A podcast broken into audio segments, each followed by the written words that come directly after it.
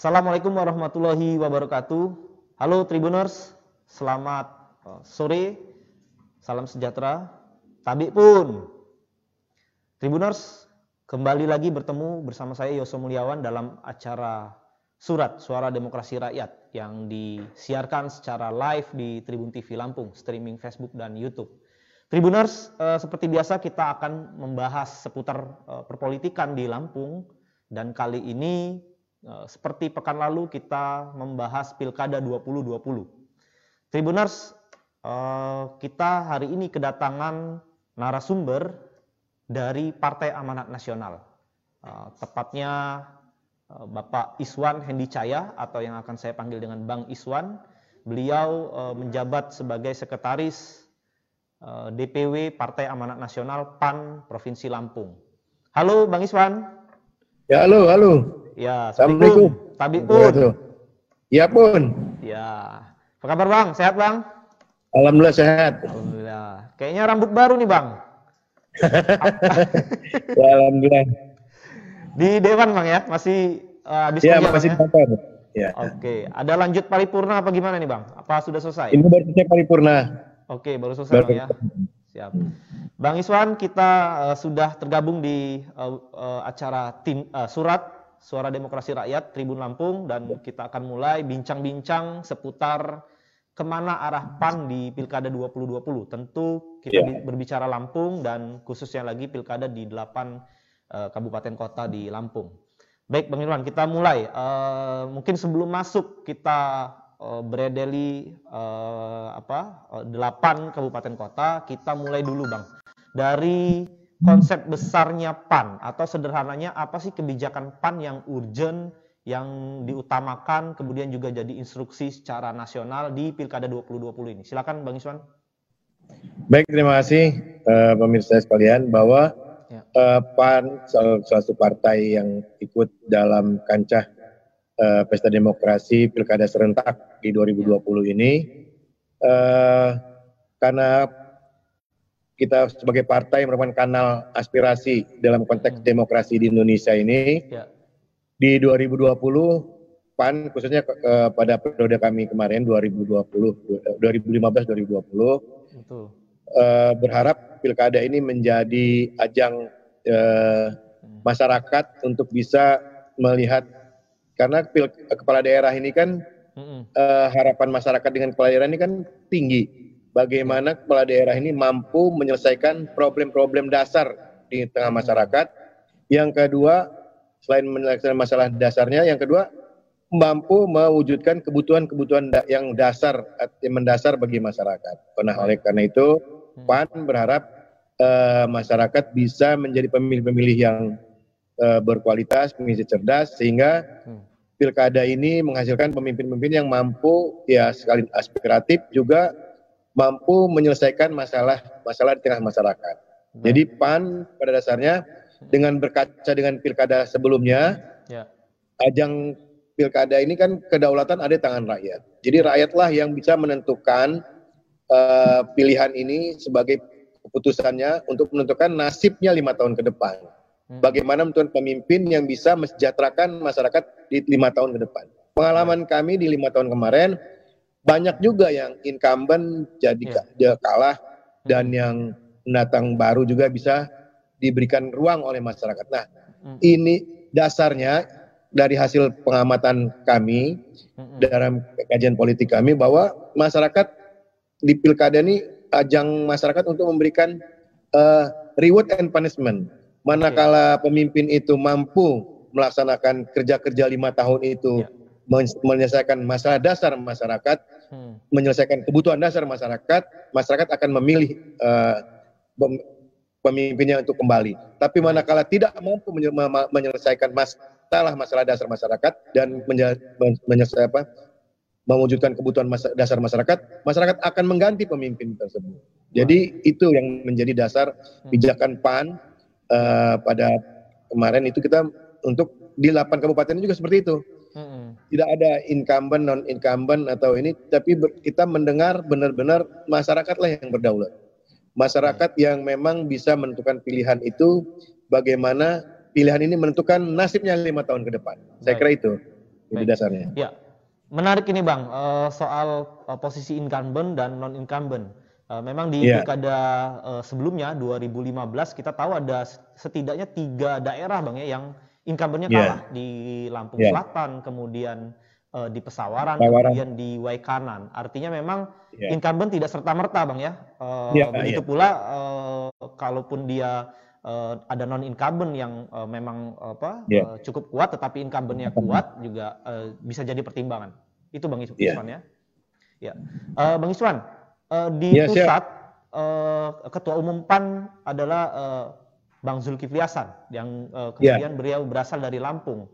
Nah tentu yeah. uh, apakah uh, ini jadi konsentrasi khusus juga karena mungkin ya beliau tidak ingin juga di Lampung yang menjadi basis beliau uh, PAN mengalami yeah. uh, misalkan banyak kekalahan atau uh, bahkan yeah. kalah sama sekali misalnya. Silakan Bang Iswan.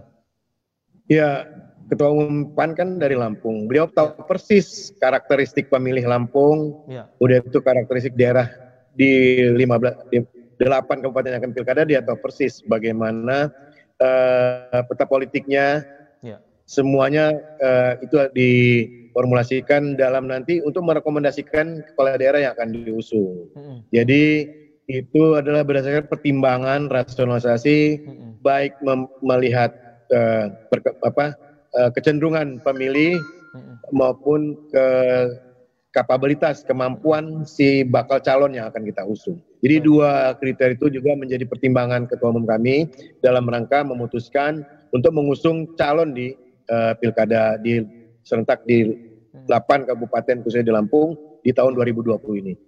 Oke. Bagaimana dengan arah uh, mitra koalisi, Bang? Uh, ada pendukung yang memang uh, sekarang mendukung pemerintahan, ada beberapa partai Halo? yang uh, juga uh, berada di luar uh, pemerintahan. Silakan, halo, gimana? Ya, halo. Halo. Halo. Ya, halo. Terdengar Bang suara saya Bang? Ya, kurang terbaca, kurang terbaca. Oke. Ya, uh, siap. Ya Bang, uh, terkait dengan mitra koalisi nih Bang. Terdengar Bang? Ya. Ya, terkait ya, siap. dengan mitra koalisi uh, ada partai yang memang sekarang di gerbong pemerintahan, kemudian ada juga partai yang apa uh, tidak tidak uh, masuk full di gerbong pemerintahan. Uh, apakah ini berpengaruh di kontestasi pilkada 2020 khususnya di Lampung, bang? Soal mitra koalisi dengan partai uh, pendukung pemerintahan maupun yang uh, tidak tergabung di gerbong pemerintahan. Iya.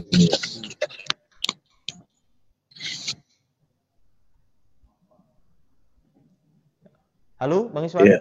Oh, halo, halo. Ya. ya. Silakan, Bang. Sudah ya, gimana? tadi, Bang? Tadi gimana? Ya, uh, soal mitra koalisi nih, Bang. Uh, oh, ya. Dengan partai-partai. Uh, untuk, untuk di Pilkada 2020 ini di 8 kabupaten ya. karena porsi Partai Amanat Nasional belum memenuhi koalisi apa perahu penuh, maka hmm. kami juga menjalin komunikasi Hmm. dan lintas partai semua partai kita uh, menjalin komunikasi yang pasti dalam kita mengusung calon tadi kita harus mendengarkan uh, aspirasi masyarakat dalam artian keinginan pemilih selaku ya. pemegang kedaulatan yang kedua kemampuan kapabilitas daripada calon tersebut untuk sama-sama punya niat untuk membangun daerah yang akan uh, dia akan terjun di pilkada tersebut jadi dua itu juga selalu kita komunikasikan kepada lintas partai karena kita belum ada perahu penuh, semuanya kita menjalin komunikasi dengan semua partai. Oke, artinya tidak uh, apa, membatasi apakah partai yang di gerbong pemerintahan maupun tidak, bang ya? Halo, ya? Ya, baik bang, kita lanjutkan bang. Halo, halo, bang Isman, ya terdengar bang ya? Halo, ya halo. Halo. Halo. Ya, halo. Uh, enggak terbaca. Ya. Terdengar, Bang? Halo. Halo, tes. Halo, Bang.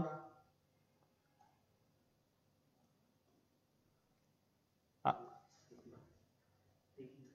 Oke, baik uh, Tribuners, kita ada sedikit kendala teknis uh, dengan uh, Bang Iswan sebagai ya, siap. narasumber kita. Ya, halo Bang Iswan. Ya, halo, halo, halo. Ya, halo. Terdengar Bang ya? Ya.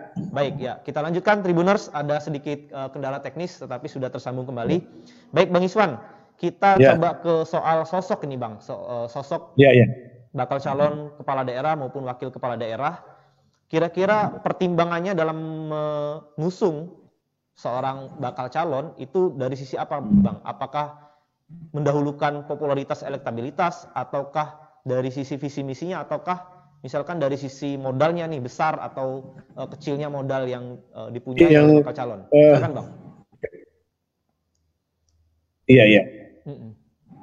Yang pasti kita uh, secara elektoral itu ya. menjadi poin pertama, menjadi okay. elektabilitas menjadi poin pertama. Yang kedua uh, kemampuan kapabilitas yang bersangkutan berkenaan mm. dengan kepemimpinan, udah itu penguasaan wilayah teritorial dan sebagainya.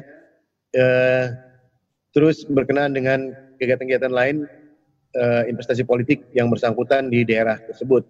Baik. Uh, saya kira itu menjadi poin kita. Oke, baik, bang, uh, kita coba uh, preteli satu persatu, bang, di delapan kabupaten yeah. kota. Pertama kita yeah. masuk di Bandar Lampung uh, sebagai pusat, katakanlah wajah ibu kota. Di pilkada Bandar Lampung kalau berdasarkan uh, surat sementara itu PAN ya.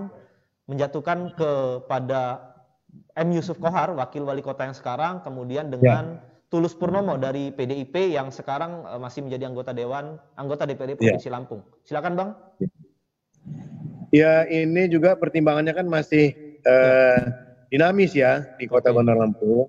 Tapi mudah-mudahan ada kajian khusus dari DPP berkenaan dengan Bandar Lampung ini mm-hmm. dan untuk sementara yang saya sampaikan tadi yeah. ya pertimbangannya tetap uh, kita uh, mendengar dari masyarakat okay. bagaimana keinginan masyarakat di Bandar Lampung berkenaan dengan pemimpinnya. Okay. Uh, eh, saya katakan dari awal tadi bahwa ya ini ajang masyarakat untuk memberikan reward and punishment. Jadi yeah. uh, kita bisa beralternatif dari uh, aspirasi yang berkembang di tengah masyarakat dalam rangka, dalam rangka penetapan kandidat yang akan kita usung. Baik.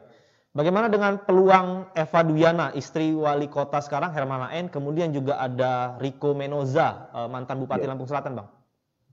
Ya, semuanya masih dalam pertimbangan uh, politik. Ya. Berkenaan dengan uh, dinamika sekarang kan uh, masih berjalan, mm -hmm. gitu. Mudah-mudahan nanti uh, final, udah final, Ya. Kita uh, ada surat resminya, nanti deklarasi dan sebagainya. Hmm. Kita waktu dekat nanti akan uh, mutus, apa, uh, melaksanakan itu. Yang pasti uh, informasi yang kami dapat uh, kemarin uh, berkenaan dengan ini kita coba mengimbangi perlawanan dengan incumbent. Oke.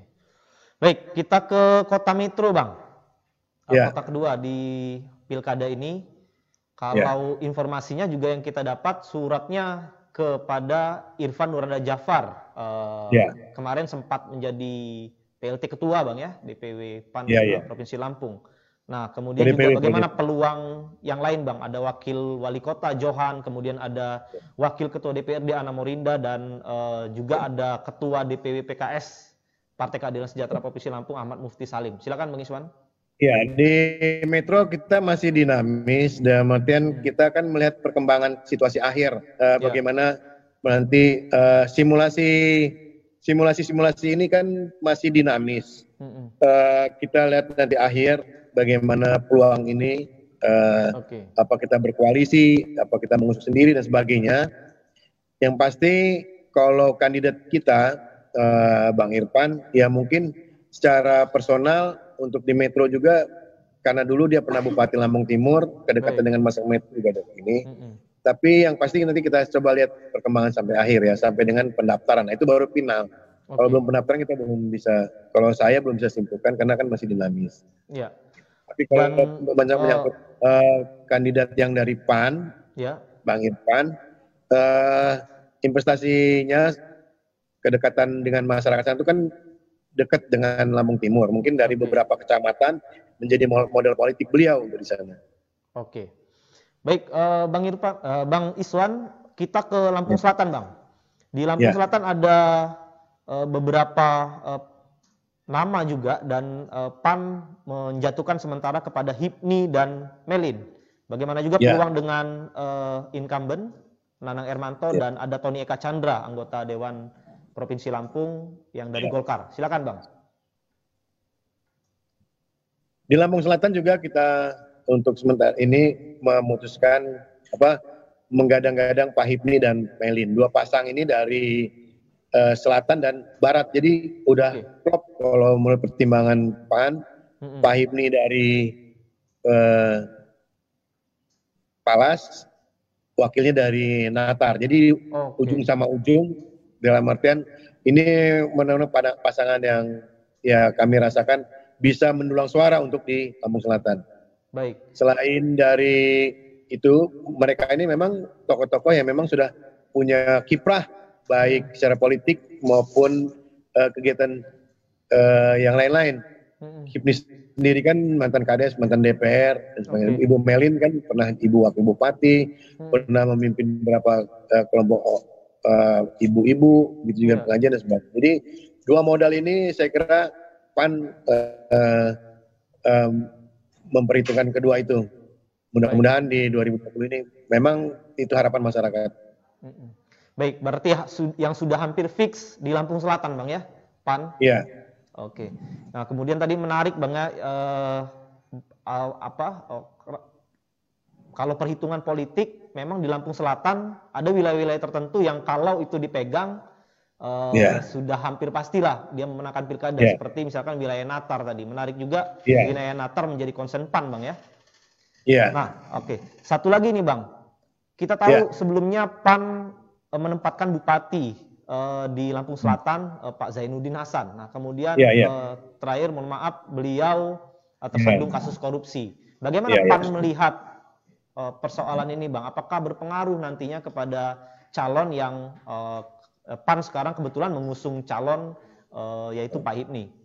Silakan bang. Enggak, saya kira dengan tema bangkit itu kita mengajak untuk berpikir rasional dan okay. secara politis kami dalam agenda pileg kemarin tuh uh, saya kira bisa kita buktikan bahwa hmm. PAN masih dapat uh, masih di hati masyarakat di Lampung Selatan. Okay. Jadi PAN masih bisa diterima oleh masyarakat Lampung Selatan dan dibuktikan dengan dukungan uh, pileg kemarin kita ya. menjadi pemenang kedua di Lampung Selatan. Oke. Okay. Iya. Baik, uh, kemudian sekarang kita bergeser ke Lampung Tengah, Bang. Nah, Lampung Tengah, ya. informasinya kita belum dapat apakah suratnya yang sementara jatuh ke siapa, tetapi di sana ada beberapa nama incumbent Lukman Joyo Sumarto, bupati ya. sekarang, kemudian ada Nesi Mustafa, uh, istri dari bupati sebelumnya ya. yaitu Mustafa, kemudian ada Musa. juga uh, calon seperti Musa Ahmad. Silakan Bang Iswan ya. kalau di Lampung Tengah. Di Lampung Tengah, uh, saya kira ada clear ya kita ya. karena di Lampung Tengah itu cuma satu kursi, ya. kita mendukung uh, calon dari uh, Golkar yaitu Pak Mustafa uh, sama Ari Musa Ahmad sama Ari, Ari Ardito Wijaya. Ardito, oke. Okay. Ya. Baik. Ya, uh, berarti ke Musa Ahmad dan Ardito. Uh, pertimbangannya kira-kira apa nih Bang? Kalau kan di sana ada incumbent, kemudian ada juga ya Nesi calon perempuan yang istri bupati yeah. sebelumnya. Iya. Yeah. Justru itu juga ya ini kan uh, alternatif uh, pemimpin yang dari suara yang kita dengar dari masyarakat seperti yeah. itu menghadap mengemuka sehingga karena kita juga nggak bisa berbicara banyak karena kita kan cuma satu kursi, satu kursi okay. maka kita apa jatuhkan pilihan pada saat itu uh, kepada Musa Ahmad dan Ardito. Oke. Kalau dari hasil yeah. survei seperti apa bang? Elektabilitas dan popularitasnya bang? Sebelum menjatuhkan pilihan kan biasanya ada survei dulu. Ya, alat, alat alat ininya teknologi memang survei. Tapi yeah. juga kan kita lihat juga rasa keinginan masyarakat. Survei kan salah satu indikator aja. Tapi okay. kita lihat keinginan kuat masyarakat di sana gitu. Hmm. Apa dia tetap mau incumbent atau gimana ya kita karena kita tahu persis Lampung Tengah itu mulanya besar, apa luas ya. uh, pemilihnya banyak sehingga kita juga banyak sebar-sebaran yang kita dengar hmm. ya maka jatuh pada Musa Ahmad dan Ardito. Oke baik. Baik kita bergeser lagi bang sudah empat masih ya. tersisa empat lagi bang ke Lampung ya, Timur bang. Di Lampung Timur ada incumbent Zaiful Buhari, kemudian ada Yusron Amirullah yang uh, ya. uh, sebelumnya sudah pernah mencalonkan diri sekarang mencalonkan yeah. diri lagi. Kemudian ada Dawam Raharjo, birokrat yang sekarang masih di PMK Pringsewu. Silakan Bang. Yeah. Di Lampung Timur juga kita kondisinya cuma satu kursi. Ya Baik. kita kemarin bersepakat untuk uh, lihat di sana kan uh, tadi kita dengar keinginan masyarakat di sana ingin tetap incumbent atau ingin perubahan, yeah. ya kita atas, atas pertimbangan itulah untuk memutuskan yang mungkin besar kemungkinan kita uh, kita lihat nanti ke, ke sepertinya ke Dawam uh, Azwar. Ya. Oke, baik. Oke, pertimbangannya sama seperti yang tadi Bang ya, berarti menginginkan perubahan. Iya, iya. Oke.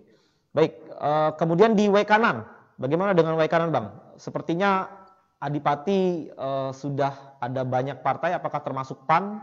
Kalau uh, calon satunya, bakal calon satunya ada nama Juprius.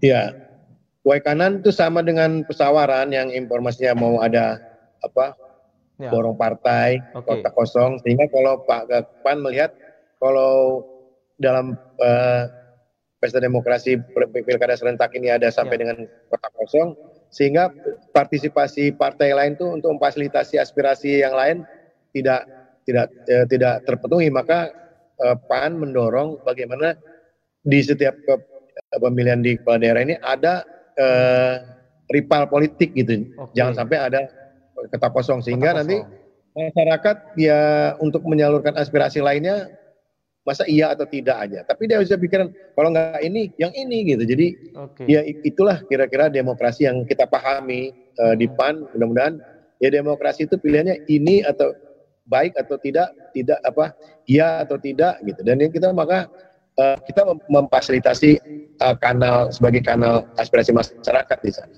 Baik. Berarti baik kanan dengan kata lain Halo? PAN kemungkinan besar menjatuhkan pilihan ke Juprius, Bang ya? Iya, kalau memang bisa nanti kita kondisinya seperti itu, kita berharap PAN bisa memberikan alternatif okay. pilihan di demokrasi 2020 ini dalam rangka pilkada serentak ini di Kabupaten Waikanan. Baik. Nah, kalau di pesawaran, Bang, menarik ini. Uh, tadi ingin yeah. memberikan sebuah alternatif. Di sana yeah. sekarang uh, incumbent, kemudian ada juga ketua DPRD sekarang, uh, Muhammad yeah. Nasir dari PDIP yang yeah. kemungkinan besar juga akan yeah. maju. Artinya ya. pilihan ya. kemungkinan besar jatuh ke M Nasir atau bakal calon lain, Bang ya? Iya. Jadi kan perkembangan demo apa dinamika politik di pesawaran. pesawaran. Uh, kemarin itu kita masih melihat adanya untuk satu apa pasang calon. Baik. Sehingga demokrasi di sana kita selaku partai sebagai kanal aspirasi masyarakat kira optimal maka uh, didorong oleh uh, kader dan pertimbangan rasional itu kita berharap uh, pilkada di sana juga tidak tidak jadi satu pasang lawan kota kosong, tapi kita juga memberikan alternatif pilihan bagi masyarakat. Baik, terakhir bang, pesisir barat agak ya, jauh ini bang. Kira-kira ya, seperti apa pilihan? Pesisir barat. Pesisir barat uh, kita masih ke incumbent. Baik. Ya. Oke. Oke. Nah ini agak berbeda bang. Hah? agak berbeda ini kalau di pesisir barat incumbent, tapi ya. di sana kan ada calon ya. lain juga bang, seperti wakil bupati, ya. Erlina. Di pesisir barat lain. informasinya karena ya. kita membangun pesisir awal dengan komitmen dengan bupati dari awal, itu kan dari awal kita udah usung. Uh, beliau mau menunjukkan komitmen yang besar dalam rangka okay. maju pesisir barat, maka uh, kita jatuhkan pilihan kepada incumbent. Baik. Baik, uh, kita sudah hampir di penghujung ini bang. Uh, ya, siap. Mungkin kita akan highlight sedikit Bang. Bang Iswan mungkin ya. silakan meng-highlight kira-kira ya. uh, PAN di pilkada delapan pilkada ini menempatkan kader di berapa daerah, kemudian uh, sosok kader itu yang seperti apa uh, track recordnya Bang? Silakan Bang. Ya baik di 2020 pilkada serentak di 8 kabupaten ini ya. PAN berharap kita bisa mendorong anak-anak bangsa di kabupaten kota di 8 kabupaten ini menjadi anak-anak bangsa yang terbaik yang ya. bisa menyelesaikan masalah dasar masyarakat di wilayahnya serta bisa mengurai masalah kebutuhan dasar uh, di daerahnya. Dan kader-kader PAN yang mungkin sudah bisa kita dorong untuk itu siap untuk mengemban amanah sebagaimana uh, harapan masyarakat. Oke. Di dari delapan di mana saja bang uh, kader PAN akan berpartisipasi bang? Ya kita di apa? Metro tadi bang Metro, ya? Di Lampung Selatan, Oke. di Pesawaran gitu. Oke, baik.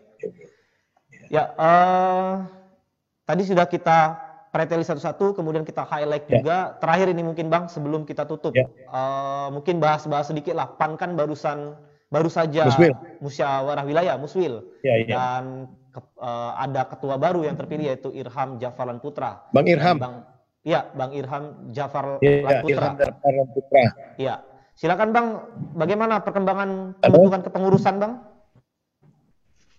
Ya, halo. Ya, ya, ya. untuk hasil musfil kemarin sudah secara legitimit terpilih uh, saudaraku Irham Japar Lan Putra sebagai ya. formatur tunggal dan ketua DPW. Untuk Baik. masalah struktural ini dalam proses uh, di DPP ya Baik. dalam waktu dekat nanti beliau lah nanti bisa menjelaskan itu semua. Baik. Yang pasti mengakomodir semua kepentingan semua kita semua Amin. dalam rangka membangun provinsi Lampung ini ke depan lebih baik. Amin. Bang Iswan masih sekretaris Bang ya? Periode kemarin, untuk sekarang kita berikan kesempatan yang lain. Oke, berarti nggak apa-apa sekarang kita sebut sekretaris Bang ya? Masih belum oh, iya, fix. Kan sekretaris periode 2015-2020. Baik. Bang, di kepengurusan ada rencana, uh, bahasanya mungkin mengakuisisi eh, calon-calon, bakal calon, yang kemudian hmm. nanti dijadikan kader PAN gitu Bang? Oh itu nanti kebijakan uh, ketua yang baru. Oke, ya. ketua yang baru. Ya. Baik. Terakhir mungkin Bang Iswan harapan ya. untuk Pilkada 2020 khususnya bagi PAN, Bang. Ya, ya kita berharap uh, kader-kader terbaik yang kita uh, ajukan kepada masyarakat untuk bisa ya. mendapat perhatian, dukungan, pilihan sekaligus untuk menangkan calon yang diusung Partai Amanat Nasional di 8 kabupaten. Itu harapan kami mudah-mudahan masyarakat dan kami berkomitmen untuk mendengar apa yang dikeluhkan oleh masyarakat berkenaan masalah dasarnya, kebutuhan Baik. dasarnya kita akan urai dalam uh, kepada berikan tanggung jawab pada pemimpin yang akan kita usung di Pilkada 2020. Baik. Ya, uh, itu tadi Oke, Bang Iswan kita sudah berdiskusi. Terima kasih banyak Bang Iswan atas waktu ya. dan perkenannya menjadi narasumber webinar kami. Sampai bertemu di webinar Tribun Lampung uh, berikutnya. Terima kasih Bang Irfan. Assalamualaikum, Tabib pun. Ya, baik Tribuners, uh, kita sudah sampai di penghujung acara. Tadi kita sudah bicara banyak uh, tentang ke mana arah PAN dalam Pilkada 2020. Semoga pemirsa Tribun TV Lampung uh, bisa membaca ke mana arah Pilkada 2020. Bahkan tadi di beberapa daerah PAN sudah hampir pasti mendukung uh, memberikan rekomendasinya kepada pasangan bakal calon kepala daerah dan wakil kepala daerah. Tribuners, kita uh, selesaikan webinar hari ini dan kita akan bertemu di Eh, webinar Senin depan di acara surat, surat Suara Demokrasi Rakyat. Masih bersama saya Yosef Mulyawan. Saya undur diri pamit. Wassalamualaikum warahmatullahi wabarakatuh.